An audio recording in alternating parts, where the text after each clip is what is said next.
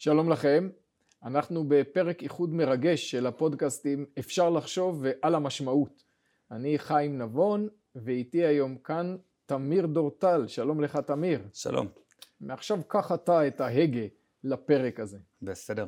אז באמת הזמנתי אותך אה, לדבר על ספרך החדש, מדינה קטנה לעם גדול. חשבתי שאני הזמנתי אותך. אני לא יודע מי הזמין את מי, אבל אוקיי. היה תענוג. אה, והייתי רוצה שננסה בעצם לנסות להבין את הרעיון שמאחורי הספר, ונתחיל בזה שבעצם לפי מה שאתה מספר בהתחלה של הספר, התורה מכוונת אותנו לאיזשהו מודל מאוד ספקני ומאוד חשדני כלפי פוליטיקה או כלפי שלטון מרכזי חזק, ואת זה אנחנו רואים אה, מספר שופטים. זה נכון, זה נכון. בשנים הראשונות של המדינה הייתה הרבה כתיבה על מה אפשר ללמוד מהתורה למבנה המדיני, והכתיבה, הדיונים האלה התרכזו בעיקר סביב השאלה אם מלך זה דבר טוב או דבר רע. שזאת שאלה שבוא נודה היא פחות רלוונטית למציאות שלנו היום, כי אף אחד מאיתנו לא עומד להמליך על עצמו מלך. ואני אמרתי שצריך להעלות את השאלה הזאת ברמה אחת, בדרגה אחת. השאלה הגדולה היא לא מה יחסנו למלך, מה יחסנו לשלטון, מה יחסנו לפוליטיקה ממשלתית. וכשאנחנו רואים את בני ישראל נכנסים לארץ, מתפזרים לשבטיהם, ובעצם לא טורחים להקים ממשל מרכזי, ואף אחד לא רואה בזה בעיה, ועוברות מאות שנים עד שבני ישראל ממליכים עליהם מלך, וגם זה הם חוטפים על הראש מהנביא שמואל, יש כאן אמירה מאוד בסיסית על ה, לפחות על הניסיון לחיות עם שלטון מרכזי מאוד מצומצם או אפילו בלעדיו. הניסיון הזה בסופו של דבר נכשל. כן, כן כי ספר, שופ... ספר שופטים בסופו של דבר הוא ספר ביקורתי. בימים ההם אין מלך בישראל, איש הישר בעיניו יעשה, זאת אומרת, יש כאן איזושהי ביקורת מאוד חריפה כנגד האנרכיה. אנחנו רואים מצד שני את הביקורת של יותם במשל יותם על הממשל. יותם מניח שכל מקרה של ממשל, מי שיגיע לפירמידה, לקודקוד הפירמידה, יהיה האטד שישרוף את כל האחרים. וספרי נביאים ראשונים נעים בין שני הכתבים האלה. אה, אנרכיה זה כנראה לא עובד, מלך זה גם כנראה מסוכן, והפתרון של התורה הוא אין מה לעשות, צריך מלך, אבל מלך שהוא תחת שלטון מאוד אה, מה שנקרא בדורות מאוחרים יותר קונסטיטוציוני, שסמכויותיו מוגבלות, שכוחו חלש וגם עליו מסתכלים קצת עקום. כן, אז באמת אנחנו רואים שהמושג הזה של שלטון החוק בעצם אפשר לומר שהוא בא מהתורה, בעצם שהמלך צריך לכתוב לו את ספר התורה והוא מוגבל על ידי התורה ועל ידי החוקים שלה וגם על ידי סנהדרין ועל ידי הנביא ועל ידי כל מיני רשויות שמגבילות אותו, עוד לפני מונטיסקיה. ואתה מביא את אה, אחאב שרוצה לקחת את הכרם של נבות, לקנות את הכרם של נבות בכסף טוב, והוא לא מסכים, ואז אה, נבות, אה, סליחה, ואז אחאב כשהוא רואה שהוא לא מסכים, הולך הביתה, מוותר על ארוחת ערב, ושם אה, ראשו ליד הקיר כמו איזה teenager שלא מקבל מה שהוא רוצה. זה לא יאמן, לא מצאנו סיפור כזה בתולדות המלוכה. הרי הסיפור הזה של כרם נבות הוא השפל העמוק ביותר שהמלוכה בישראל הגיעה אליה. והסיפור הזה מראה לא את כוחו, אלא את חולשתו של המלך. מלך ישראל לא יכול לקחת כמה גפנים מאיכר קטן ש... לקנות. שנמצא ליד... לקנות! הוא אומר, אתן לך כסף. ואחאב הולך הביתה ובוכה, מוותר על ארוחת ערב, בוכה עם הפנים לקיר. זה מלך? אבל איך זה יכול להיות שמלך כל כך חזק כמו אחאב, שעשה כיבושים כל כך יפים אה, בצפון, לא מצליח לקחת כרם איזה מישהו קטן ומסכן? אומר הרמב"ם, אין מעמידים מלך על ישראל, אלא לעשות משפט ומלחמות. אנחנו רואים שהמלכים בזה הם התמקדו. היהודים דאז תפסו את נחלת האבות, תחום השיפוט של, המלח... של המשפחה והשבט, כתחום מקודש שלמלך אין נגיעה בו ופשוט לא היה בסמכותו, כל סמכויותיו הגדולות של אחאב היו להזעיק את העם למלחמה. כשהוא היה מנסה לחרוג מהסמכויות האלה, פשוט לא היו שומעים לו. אבל מה קורה? לא שומעים לו? ברמה הזאת? אין לו כסף, אין לו עבדים, אין לו... לא יודע, את הסמכות האישית שלו? אני, אני אגיד משהו שהאבות המייסדים של ארה"ב מאוד מאוד התעסקו עם השאלה של איזון סמכויות ופיצול רשויות כדי שכל מוסד ימנע מהשני זה חשוב מאוד אבל בסוף שאלת המנטליות של העם יותר קריטית. של מזה. התרבות הפוליטית. כן, בישראל היו נוהגים לומר על אריק שרון בתקופה שהוא היה ימני שהוא יעלה עם טנקים על הכנסת. אני אמרתי נראה אותו, אתם מכירים נהגי טנקים? אני, אני בצבא עבדתי עם נהגי טנקים, נראה אותו מזיז נהג טנק אחד שיעלה על הכנסת. כלומר כשהמנטליות של העם היא אתה לא תגיד לי מה לעשות אז לפעמים זה מעצבן אותנו, האינדיבידואליזם הזה של הישראלים, אבל כשזה עומד מול שלטון, יש ליהודים מימים ימימה עמדה מאוד ספקנית. לא על כל דבר הם היו הולכים אחרי המלך. אבל יש גם עמדה שאומרת, אולי שהמדינה תתקן הכל, שהמדינה תדאג נעבור עוד אה, רגע לתחום הזה של דת ומדינה, אבל שהמדינה תדאג לרווחה ושהמדינה תדאג אה, לקהילות, אפילו תקצוב של גרעינים תורניים או של קהילות משימתיות, ושהמדינה תדאג לכבישים ולתאורת רחוב ולצדק חברתי ולכל מיני דברים. זאת אומרת, זה גם מנטליות שקיימת בתרבות הישראלית של היום. זה נכון, ואני מביא בספרי את אה, שני הוגים חשובים שהתייחסו לזה מזוויות שונות. אחד זה פרופסור דניאל אלעזר, מבכירי החוקרים בתחום מדעי המדינה, שהוא אמר לצערי כשקמה מדינת ישראל לא אימצו את המודל היהודי של שלטון פדרלי מבוזר עם סמכויות מועטות אימצו את המודל האירופי שדי מנוכר למסורת היהודית ולקהילה היהודית לדורותיה וההוגה השני שאני מצטט הרבה זה הרב יונתן זקס שנפטר מאיתנו נלקח מאיתנו בשנה האחרונה לדאבון הלב והוא כתב על זה הרבה מאוד בספריו כולל בספרו האחרון מורליטי שהוא כתב איך צריך להיזהר, הוא, הוא, הוא כתב מהזווית הליברלית הקלאסית ומהטוב שבזווית הזאת, איך צריך להיזהר שמעורבות יתר של המדינה לא תחנוק את החיים שלנו. כי לכל מקום שהמדינה נכנסת, היא, היא מעקרת מעגלי קיום אחרים. אני מביא את הסוציולוג רוברט ניסבט, שאומר, אנשים אומרים, טוב, המדינה חייבת לקחת על עצמה יותר אחראויות, כי המשפחה והקהילה נחלשות. ואמר ניסבט, אתם מתבלבלים, זה עובד ההפך. המשפחה והקהילה נחלשות כי המדינה לוקחת את התפקידים שלהם. אז איך מגלגלים את הגלגל לאחור? זאת אומרת, אם המדינה עכשיו תנסה לקחת צעד אחורה, היא לא באמת תצליח, כי מבחינה ציבורית, אנחנו אומרים, שנייה, אם היא תיקח צעד אחורה, אין כאן קהילות תומכות. קהילות אומנם נוצרות סביב צורך כלשהו, נגיד, להקים בית ספר, לדאוג לאגודת צדקה, או דברים כאלה, אבל כרגע, בגלל שהמדינה מטפלת בדברים האלה, אז הקהילות לא נבנו, אז אם המדינה תיקח צעד אחורה, היא בעצם תיצור ואקום שלפחות לכמה חודשים, לכמה שנים, עוד לא ידע להתמלא. זאת שאלה מעולה, אני חושב שהמענה הוא לבנות על הקהילות שבכל זאת יש לנו. אל תשכח שהדחף הקהילתי הוא טבעי לבני אדם, וקהילות שיש לנו היום זה למשל רשויות מקומיות. במדינת ישראל השלטון המקומי הוא חלש מאוד בקנה מידה עולמי, חלש מאוד.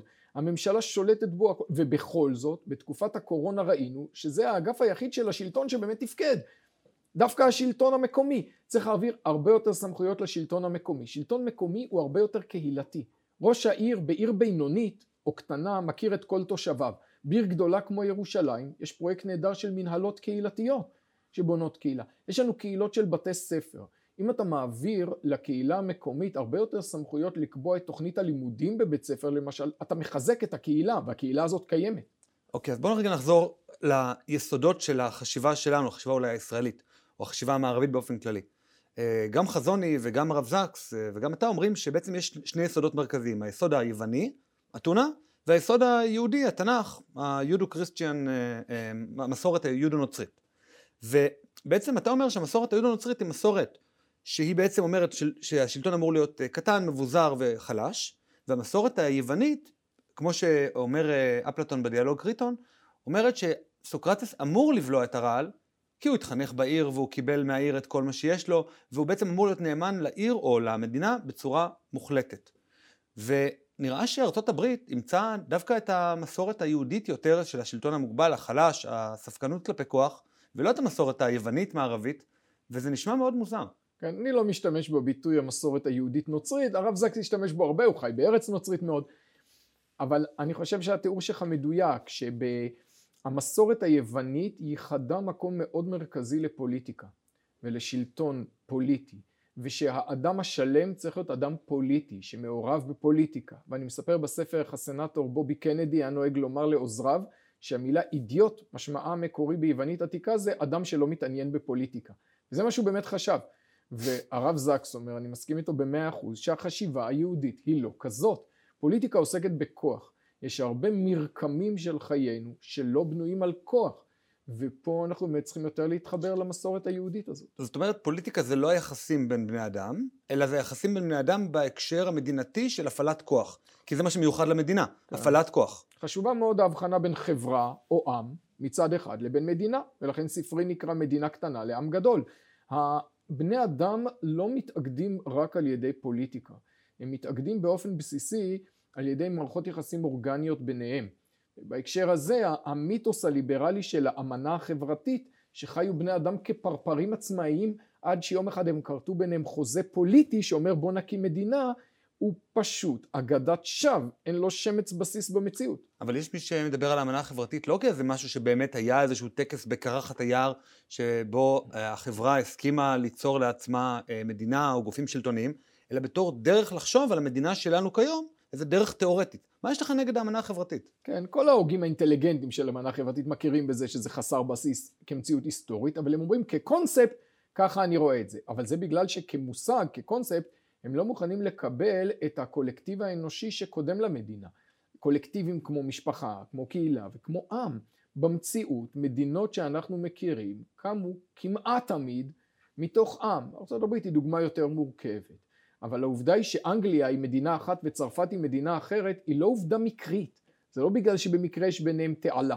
זה, זה בגלל שקדם למדינה הזאת עם והוא חייב להתבטא שם. כן, הובס אומר אני כותב על איך אה, בנויה המדינה ואני מתעלם מההיסטוריה, אני מתייחס לבני אדם כאילו הם פטריות שצצו פתאום מהאדמה. הוא לא סתם כתב פטריות כי אין להם שורשים. אבל בני אדם הם לא פטריות ויש להם שורשים. אבל כיצד התיאוריה הזאת בעצם בסופו של דבר פוגעת בנו? אז יש מישהו שיחשוב על המדינה, על מדינת ישראל, כאיזה משהו שמבוסס על אמנה חברתית. אבל איך זה מפריע באמת לחיים היומיומיים או למחשבה על פוליטיקה אצלנו? כי התיאוריה של האמנה החברתית מביאה למיצוי הגיוני שלה את התפיסה של מדינת כל אזרחיה.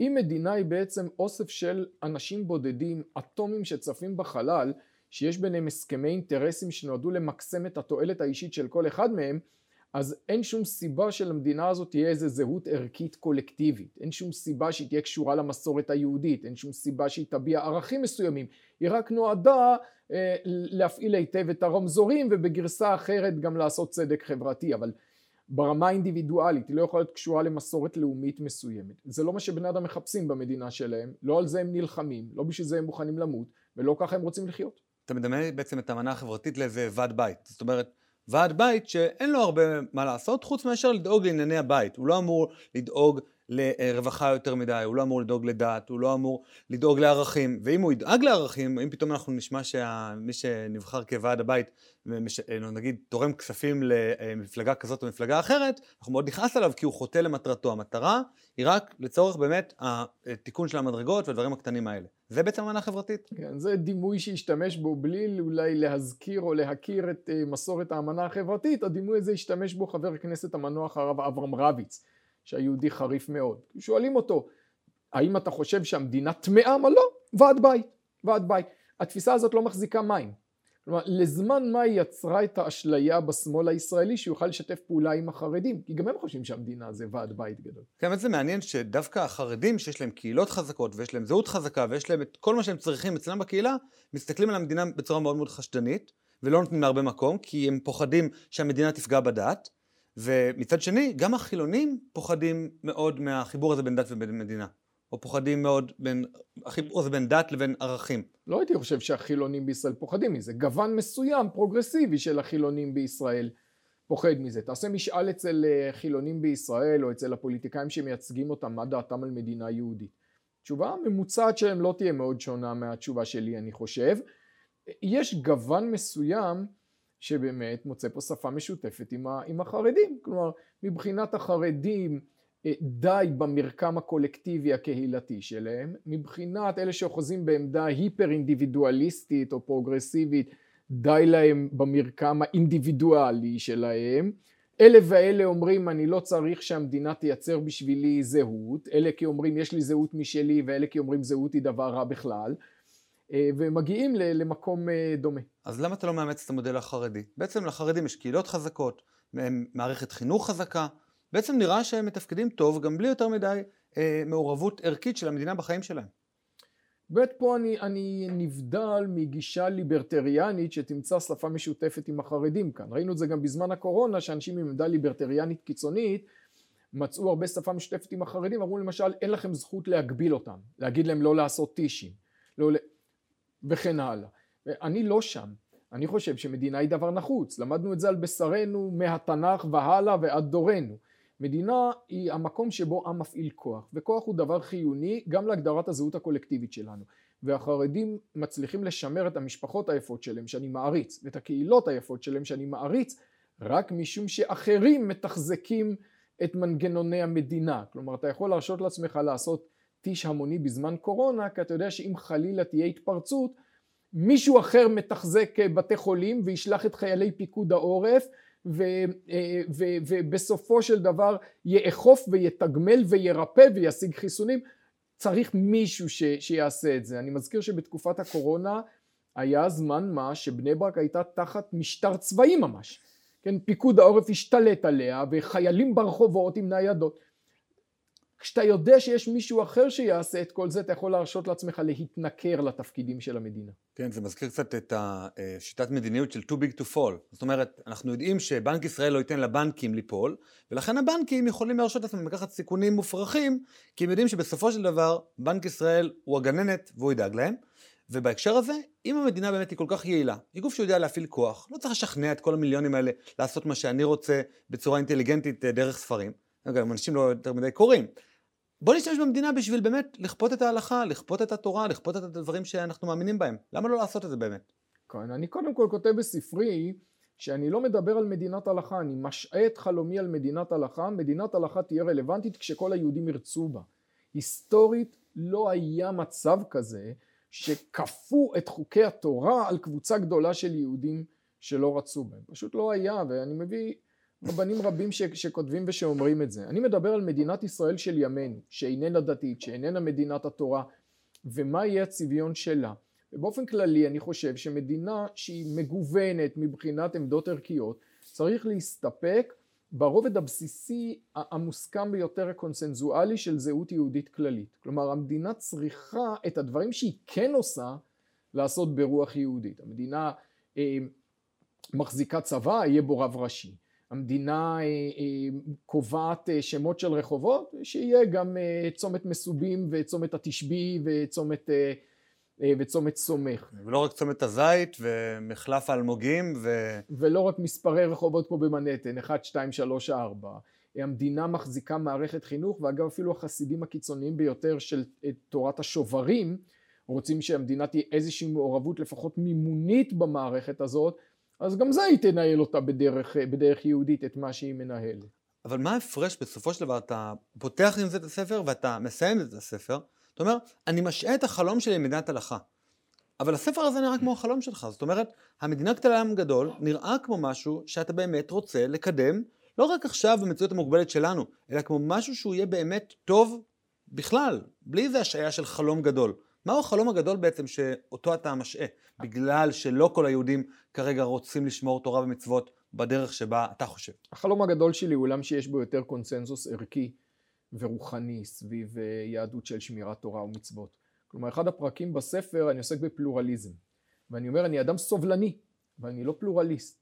כן, אני סובלני, רוסו אמר אדם דתי לא יכול להיות סובלני והוא טעה. הרבה אנשים דתיים סובלנים, רובם. סובלני זה אומר למרות שאתה לא חושב כמוני, אני מוכן לסבול אותך, כי אחרת החיים שלנו יהיו גיהנום. אבל אני לא פלורליסט במובן זה שאני לא מהלל חילוקי דעות קוטביים כתופעה רצויה לכתחילה. רוב האנשים גם שאומרים שהם מהללים חילוקי דעות כאלה עושים זאת מן השפה ולחוץ. בעצם בסוף בסוף בסוף בדברים שחשובים להם לא רוצים שום חילוקי דעות. אתה יכול לתת דוגמה? מה זאת אומרת, בדברים שחשובים להם הם לא רוצים חילוקי דעות? כלומר... אני עוד לא ראיתי בן אדם אה, אה, שמאלני קיצוני שאומר מצוין שאתה מתנחל ושאתה גר בחברון ושאתה זה טוב מאוד שיש בינינו חילוקי דעות. הוא יכול להגיד טוב מאוד שיש בינינו פולקלור אחר, אתה אוכל כוסברה ואני אוכל גזר ויש לך דברים שוליים, חסרי חשיבות. הוא יכול להגיד אפילו טוב מאוד שאתה דתי ואני פחות, דברים שלא חשובים לו בכלל. כלומר, כיוון שאלוקים לא חשוב לו, אז לא אכפת לו אם אני דתי או לא. בדבר שבליבו מדיניות ישראל ביהודה ושומרון יבער, יבער מזעם כשאני אגיד לו משהו שלא מוצא חן בעיניו. אז לכן אני אומר שהאמת היא שהייתי רוצה לחיות במקום שיותר אנשים שמקיפים אותי חיים כמוני. האמת שכשאני יוצא לרחוב שלי בשבת, אני מאוד אוהב את העיר שלי מודיעין ואת האווירה שיש בה, נחמץ ליבי לראות את אווירת שבת ברחוב. הייתי רוצה לראות שכל שבת נראה משהו כמו שאנחנו רואים ביום כיפור, שאנשים ברצונם החופשי מציינים את היום הזה. ולכן זה לא חלום אה, מושלם שלי המדינה שאני מתאר, אבל אני מקבל את זה. אני מיעוט, אנשים לא חושבים כמוני, אני מקבל את זה, עדיין יש לי משהו להגיד גם על צביונה של המדינה הזאת. כן, אבל מיעוט חייב באמת להתאזר בהרבה מאוד סובלנות, כי הוא מיעוט והוא כל הזמן חווה את הניגודיות הזאת בינו לבין האחרים. ואתה מצטט את אה, איגרת על הסובלנות של ג'ון לוק אה, מספר גדול של פעמים. מה המתכון שלך לבאמת בנייה של חברה ישראלית סובלנית יותר? או אם אחד מהמאזינים שלנו שואל את עצמו, איך אני ככה מפסיק לכעוס על אחרים, על זה שהם לא חושבים כמוני וזה, מה, איך עושים את זה? אז אני מדבר על ההבדל בין סובלנות של אחים לסובלנות של שכנים. יש סובלנות שהיא בעצם אומרת רק נסבול אחד את השני כי אין ברירה, למרות שאנחנו בשני עולמות.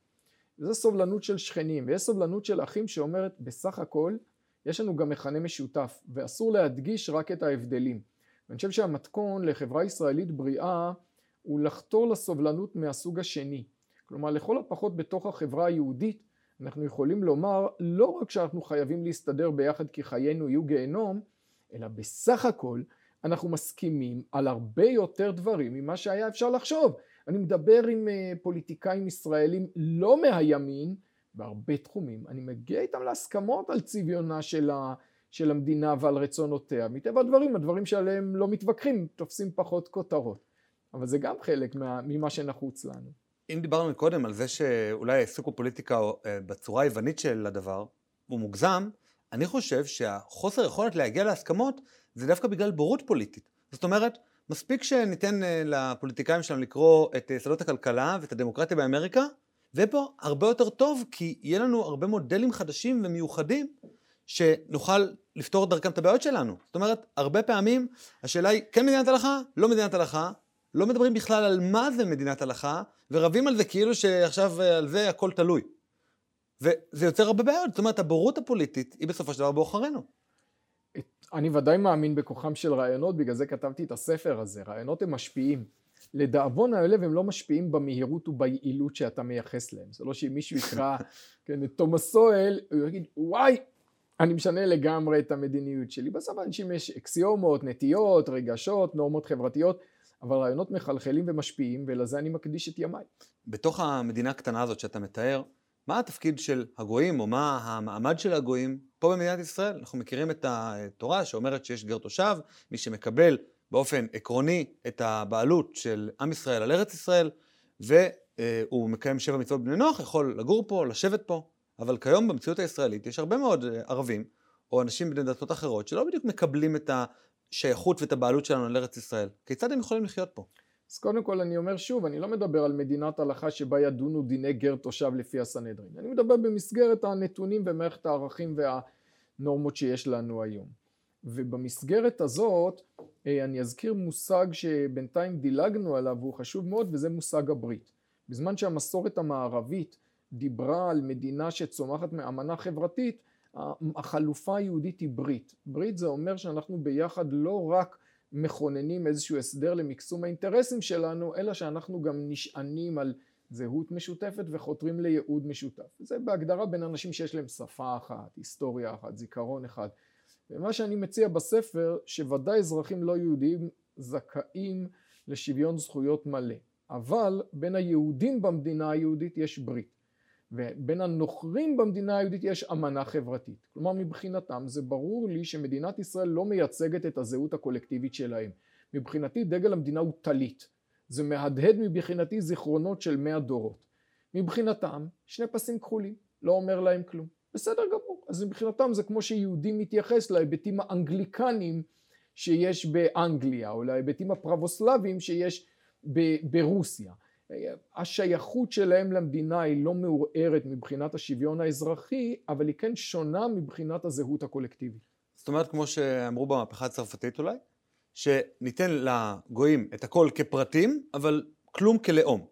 זאת אומרת, במהפכה הצרפתית אמרו את זה על היהודים. ניתן ליהודים את הכל כיחידים, כאינדיבידואלים, כפרטים, אבל לא ניתן להם שום דבר, שום מעמד כלאום נפרד, כיהודים או כדבר כזה ואחר. זה שונה כי הצרפתים רצו לייצר לאום צרפתי חדש שמתיך גם את היהודים מעין מה שהתיימרו בארץ לעשות הכנענים, לייצר מין לאום שמי מקומי חדש. אה, אבל אני מסכים, כלומר ודאי את הזכויות הפרטיות בני הארץ שאינם יהודים צריכים לקבל כולם ושווים לנו בכל חוק ועניין, אבל זה נכון שהמדינה לא מייצגת את הזהות הלאומית הקולקטיבית שלהם, אלא את הזהות היהודית. לפני שנגיע לעיסוק במדיניות בפרק האחרון של דת ומדינה, הייתי שמח לשאול אותך מדוע הקדשת זמן לעיסוק בבג"ץ ובפסיקות שלו. אי אפשר uh, לדבר על מבנה של מדינה בימינו בלי להתעסק uh, בשאלה שקורעת היום את הציבור הישראלי וזה היחס למערכת המשפט. ומה שאני טוען בספר שאקטיביזם שיפוטי מוצג בדרך כלל כתרופה לרודנות שלטונית. ואני אומר יש פה משהו לא הגיוני. אתה נותן יותר מדי סמכויות לשלטון, ואז הוא אומר רגע איך הוא לא יהיה רודן בוא נאזן אותו עם יותר מדי סמכויות לבית משפט. לי יש תרופה אחרת. אם מראש יש פחות סמכויות לשלטון ממילא גם בית משפט לא צריך להיות כל כך דומיננטי. כלומר אם פקיד בעירייה יכול לקבוע בשבילי באיזה בית ספר הילד שלי ילמד אז אני חייב את בג"ץ שיתערב כדי שאם הפקיד הזה שונא אותי לא ישבץ אותי באיזה בית ספר שאני לא רוצה בקצה השני של העיר. אבל אם מראש זה לא העסק של העירייה, אם מראש ולא של משרד החינוך, ואני בוחר באיזה בית ספר הילד שלי ילמד, אז אין הרבה סמכות לפקיד, אין הרבה סמכות לשופט, זה נראה לי מנגנון הרבה יותר בריא לריסון סמכות יתר של השלטון. זאת אומרת, במקום לגרום לרשות אחת להגביל רשות אחרת, פשוט לתת פחות כוח לכל השלטון, וככה הוא יהיה מוגבל, כי הוא יהיה יותר חלש. אמ, למדוע אתה מבחין בין מוסר של זכויות למוסר של חובות? זאת אומרת, אתה אומר שכיום התרבות הפוליטית היא עוסקת הרבה בזכויות האדם ובזכות לחינוך, לבריאות, לחיים וביטחון וכל הדברים האלה, אבל המוסר היהודי הוא מקדיש הרבה מאוד מהעיסוק שלו, או מהזמן שלו, או מה, גם בשפה המילולית, בסמנטיקה, בחובות דווקא, ולא בזכויות. מדוע אתה מקדיש לשם את ההבחנה הזאת? תפיסת זכויות האדם היא מיתוס של, ה, של התקופה המודרנית, זה פשוט לא ייאמן איזה דומיננטיות יש לתפיסה הזאת אה, ב, בימינו, מעטים כמו הפילוסוף אה, אליסטר מקינטייר חי איתנו היום, העזו לומר מה שהוא אמר שהאמונה בזכויות אדם כמוה כאמונה במכשפות ובחדי קרן. כלומר זה לא יאמן כמה מעט בסיס פילוסופי יש להוכחת קיומן של זכויות אדם. אם אני מדבר על מה שצריך לשאוב מהיהדות בהקשר שלנו אחד הדברים שצריך לשאוב זה את הידיעה שחובות האדם קודמות לזכויותיו. חברה שמבוססת על זכויות היא חברה אנוכית אה, חברה אגוצנטרית חברה שבה כל אחד נאבק כל הזמן לקבל עוד ועוד על דברים שהוא לא יכול באמת אה, להגשים אותם וחברה שמבוססת על ברית היא חברה שנקודת המוצא שלה היא החובה. החובה בהחלט כוללת לא לפלוש לתחום של אנשים אחרים, אני כן רוצה להגן על קיומם הפרטי והקהילתי של אנשים, אבל נקודת המוצא לעולם לא יכולה להיות האינדיבידואל המנותק הנאבק רק לקבל עוד ועוד זכויות.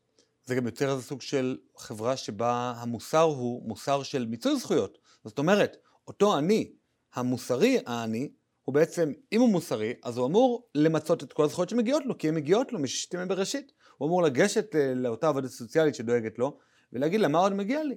וזה לא משהו שאנחנו נראה אותו כאיזה משהו שהוא...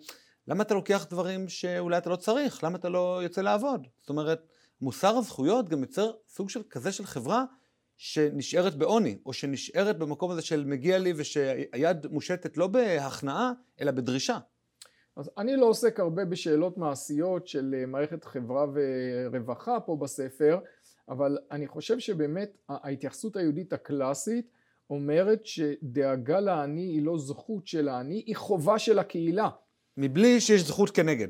כן, וקודם כל זה צריך גם לחייב אותנו. חובה על כל אחד מאיתנו להיות תמיד עם עין פקוחה לכל האנשים ש, שמסביבו, וחובה על העני מצד אחד לעשות ככל שביכולתו לפרנס אותו, מצד שני כשהוא לא יכול, הוא גם נעזר, גלגל חוזר בעולם. יום אחד אתה עוזר, יום אחד אתה נעזר. אז איך נראית המדינה היהודית הרזה הזאת בסוגיות הפרקטיות שמעסיקות את הפוליטיקה הישראלית בימים של בחירות? מבחינת מערכת המשפט דיברנו, מערכת משפט פחות אה, פולשנית. התחום שהכי חשוב לי באמת זה לא המשפט, זה מערכת החינוך. מערכת החינוך שלנו ריכוזית מאוד, עם ארגוני מורים חזקים וריכוזיים, עם משרד חינוך ריכוזי מדי, עם מבנה שלטוני שנשאר עוד מהימים שלא היה פקס והכל נעשה. זה... העובדה היא שאני מכיר עובדים רבים במערכת החינוך עם אנשים נהדרים ברמה הפרסונלית, התוצר לא מספיק טוב, ואנחנו עם שהייתה לו מסורת חינוכית המפוארת ביותר בעולם ומשהו פה חורק באמצע המערכת בנויה נגד כיוון הפרווה אה, כמה, היא, היא לא מנצלת את המשאבים הטבעיים שיש למשפחות ולקהילות. צריך לתת הרבה יותר ביזור במערכת החינוך. יותר כוח לרשויות המקומיות, לקהילות, להורים, למנהלים של בתי ספר להתנהל, וכבר השינוי המבני הזה, אני חושב יביא הרבה ברכה לחינוך שלנו. האמת היא, אחד הדברים המוזרים זה שמי שהכי נפגע ממערכת החינוך הריכוזית הזאת, זה דווקא החינוך הממלכתי. זאת אומרת, דווקא הציבור החילוני והמסורתי, שהוא הרוב המדינה, נפגע הכי הרבה מהריכוזיות הזאת. כי לדתיים יש כל מיני סוגים של אולפנות ובתי ספר וישיבות תיכוניות כאלה ואחרות, ויש בחירה אדירה איפה, איפה ללמוד, גם לפעמים יש פנימיות. לחילונים יש הרבה פחות, ולחרדים בכלל יש מערכת חינוך שהיא תכל'ס שיטת הוואוצ'רים. אני חושב שמי שהכי נפגע מזה זה החלשים בכל המגזרים. הרבה פעמים כשאני מדבר על זה אומרים לי מה שאתה אומר זה טוב לחזקים, הם ידעו להתארגן. אבל החלשים, מה הם יעשו אם המדינה לא תנהל אותם? וזה מקפיץ אותי הפטרוניות הזאת. החלשים או המוחלשים הם לא יוכלו להתארגן, תנו להם ותראו. מה הם לא יכולים להתארגן? איזה כוחות יש במקומות שאתה מחשיב עיירות פיתוח או שכונות תן לאנשים שם את הסמכויות, את התקציבים, ותראה איזה יופי של דבר הם עושים. מה, הם פחות טובים ממישהו אחר? כן, האמת היא, הקישור הזה של אה, מערכת חינוך מבוזרת ויהדות הוא חיבור מאוד מאוד פשוט, על פי הגמרא. אה, בעצם בהרבה מאוד דברים בגמרא יש הגבלה על תחרות, אבל בדבר היחידי שבו אין הגבלה, או שאין בכלל הגבלה וזה שוק חופשי גמור, זה התחום הזה של חינוך, של קנאת סופרים, תרבה חוכמה. שני מלמדים יכולים לפתוח תמיד בית ספר אחד ליד השני ולהתחרות אחד בשני, ואפילו לעשות שיטות שיווק אה, כאלה ואחרות. העיקר שיתאמצו קצת יותר להיות מחנכים טובים יותר, והרגולטור הוא ההורים. איזה עוד דברים היית שמח לראות במדינה יהודית רזה? הייתי שמח אה, לראות צמצום של שירותי הדת הממלכתיים. אין שום סיבה שהממשלה יהיה מונופול להשגחה על הכשרות. אני רוצה לראות את הרבנות הראשית רגולטור וגופי כשרות פרטיים, לא למטרת רווח, אבל שיפעלו כעמותות, שמתחרים ביניהם על, אה, על אספקת הכשרות. אני לא רואה שום סיבה שהרבנות תעשה את זה. זה אגב לא יביא לכשרות יותר זולה. כשרות בישראל היא לא יקרה יחסית, אבל זה יביא לכשרות יותר טובה. זה חשוב, רוב אזרחי ישראל רוצים, אה, רוצים כשרות. הייתי רוצה לראות בכלל בתחום שירותי הדת, הייתי רוצה לראות יותר ביזור. אני לא בעד הפסיקה האחרונה של בג"ץ שנותנת גם לזרמים לא אורתודוקסים את הגיור, אני לא חושב שהזרמים האלה דומיננטיים בישראל. אני כן הייתי רוצה לראות, כמו שהוצע בהצעת אה, ועדת ניסים וועדות אחרות, סמכות גיור למשל לרבני ערים. אין שום סיבה שרב עיר לא יוכל, אה, לא יוכל לגייר, כמו שהיה בעם ישראל, אה, בעם ישראל בכל הדורות. אבל בכל הדורות לא היה איזשהו רב אחד שגייר והרב האחר לא סמך את ידיו על הגיור של הרב השני? זאת אומרת, זה לא עלול ליצור מצב שידוע שהרב של מנהטן הוא רב ככה מקל, הוא רב שאנחנו לא סומכים עליו יותר מדי, והגיורים שלו לא התקבלו. זה קורה גם כשיש רבנות, אנחנו רואים את זה. הרבנות הראשית לישראל דרך צה"ל, אה, זה גיור ממשלתי, אומנם לא פורמלי דרך הרבנות, אבל דרך המדינה מגיירים בדרך גיורי נתיב אה, אלפי אה, מתגיירים כל שנה, והנה החרדים לא סומכים על זה, אז ככה שגם הסמכות של המדינה לא עוזרת פה, הנטייה היהודית לכיתתיות גוברת עלינו גם כאן. דיברת על זה שבגלל שהמדינה מממנת אה, תיאטראות ואיצטדיוני כדורגל וכדורסל ודברים כאלה ואחרים בתחום של תרבות ושל ספורט שהם ככה באופן סטריאוטיפי מיועדים לחילונים, אז יש כאלה שאומרים בציבור הדתי שהמדינה גם אמורה לממן לנו את הדברים שלנו, את בתי הכנסת, את המקוואות, את השירותי הכשרות ואת כל הדברים האלה. מדוע הטיעון הזה הוא לא נכון? לא, אני לא חושב שהוא לא נכון. כל עוד המדינה מממנת בעשרות מיליוני שקלים את תיאטרון הבימה, אין סיבה שלא, שאני לא, לא צורך אותו מי יודע כמה, לא הייתי שם מאז שאני זוכר את עצמי, לא שאני פוסל את זה, אבל לא. אז שהמדינה תשתמש בכספי המיסים שלי גם לדברים שחשובים לי, לעשות מקוואות וכן הלאה. אני כן מסכים שבאופן אידיאלי הייתי מעדיף שהמדינה תגיד אני לא מממנת לא תיאטראות ולא מקוואות ואתה תחליט מה אתה עושה עם הכסף שלך. כלומר, יישאר לי איקס כסף שהמדינה לא תגבה ממיסים. מי שרוצה ייתן לשיפוץ תיאטרון הבימה ב-100 מיליון שקל, ומי שרוצה ייתן לבניית מקווה ב-1 חלקי 20 מהסכום הזה, וכל אחד, אה, או כל קהילה, תחליט. אבל כאן יגיד לך דה טוקוויל, שברגע שאתה מביא כסף ציבורי בשביל לממן שירותי דת, אתה יוצר שנאה כלפי הדת. זאת אומרת, הרבה פעמים שנינו מכירים את זה בשיחות עם החילונים, אומרים, למה המדינה צריכה לממן את כל הדברים האלה? למה הכיס שלי צריך לממן לכם את כל הדברים שאתם אוהבים, את המקוואות ואת הבתי כנסת, אתם אומרים מתוך בורות, כי בתי כנסת בעצם לא ממומנים נכון. על ידי המדינה, ואת הרבנות וכל השחיתות, וזה, עזבו אותי. אני חושב שאם הדבר הזה לא היה ממומן על ידי כספים ממשלתיים, מעמדה של התורה בישראל היה גבוה יותר. זה נכון.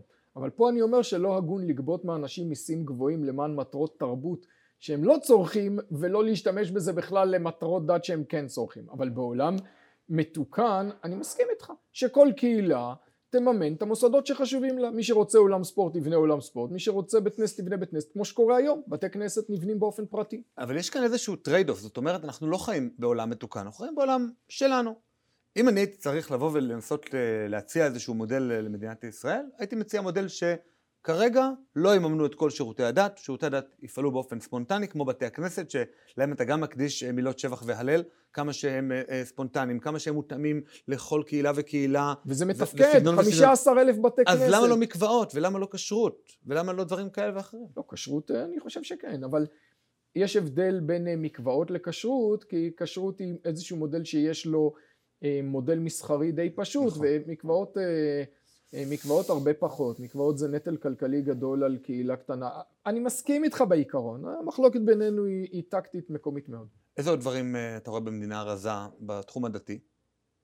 יש אני, תראה, אני, אני חושב שצריך לחתור להסדרה בהסכמה של הפרהסיה, כמו שרבים אומרים ברוח אמנת גביזון מדן, כבר עשרים שנה אומרים את זה כי הם הגיעו באמת לניסוח אמנה יפה מאוד שיש בה הרבה פרקים שהם ווין ווין.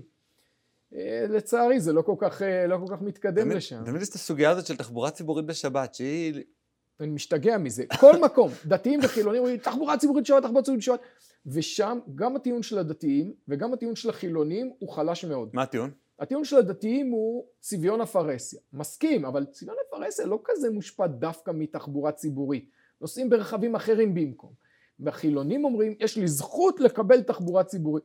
אין לך זכות לדרוש שמהמיסים שנגבים גם מדתיים יספקו לך תחבורה בכל רגע שאתה רוצה לכל מקום. בעצם הטיעונים של שני הצדדים לא מאוד חלשים ואמנת גביזון ודן גם הרבה אנשים אחרים מציעים פה פשרה הגונה אה, כבר הרבה זמן היה אפשר בקלות מתוך רצון טוב לפתור את, ה, את הנושא הזה, אנחנו אוהבים אולי לריב יותר ממה שאנחנו אוהבים למצוא פתרונות. כן, וזה שוב עוד דוגמה לזה שכשנכנס כסף ציבורי, פתאום אנחנו לא מוכנים שדברים יקרו, נגיד אנחנו הדתיים, לא רוצים שמהכסף שלנו יממנו חילול שבת. למרות שמבחינה רגשית, אני לא ער יותר מדי לחילול השבת שקורה בכבישים בין עירוניים, זאת אומרת, אם איזה סטודנט רוצה לחזור מוקדם הביתה שלו מחיפה לירושלים, אני לא שם לב לזה בכלל. כלומר, מה שאכפת לרוב, לדתיים, זה ששוב, כמו שאתה אמרת, כשאני יוצא לרחוב הקטן שלי בשבת, אני לא רוצה לראות שם תנועה של רכבים יותר מדי, ואני רוצה לראות צביון יותר פשוט, יותר מחובר למנוחה הזאת. יש פה גם הזאת. שיקולים אחרים, יש פה שיקול שכל עוד התחבורה הציבורית היא ציבורית, יש פה גם את השיקול שאתה מונע מאנשים דתיים אה, פלח מסוים של העבודות. כלומר, אם תחבורה ציבורית עובדת שבעה ימים בשבוע, זה אומר שאדם דתי יהיה לו מאוד קשה לקבל, לקבל בזה עבודה. יש פה כל מיני mm. שיקולים. אמ, אני לא, לא בקיא באופן התפעול של תחבורה ציבורית, יש מחבריי הליברטריאנים שאומרים שלא צריך בכלל תחבורה ציבורית, שאנשים ישלמו באופן פרטי, לא בטוח שזה עובד, אבל אני מודה שאני לא מומחה בזה. אוקיי, okay, אז בנימה אופטימית זו, אני ממש ממליץ לקרוא את הספר. מה אופטימי, שאני לא מומחה? לא, אבל בנימה אופטימית זו של הרעיון, אני ממש ממליץ לקרוא את הספר, הוא מרחיב דעת, וגם מעורר אה, לקריאה נוספת, דרך הערות השוליים יש הרבה הערות שוליים חשובות שמצריכות קריאה נוספת של הטקסטים המכוננים. תודה. תודה לך, תודה רבה.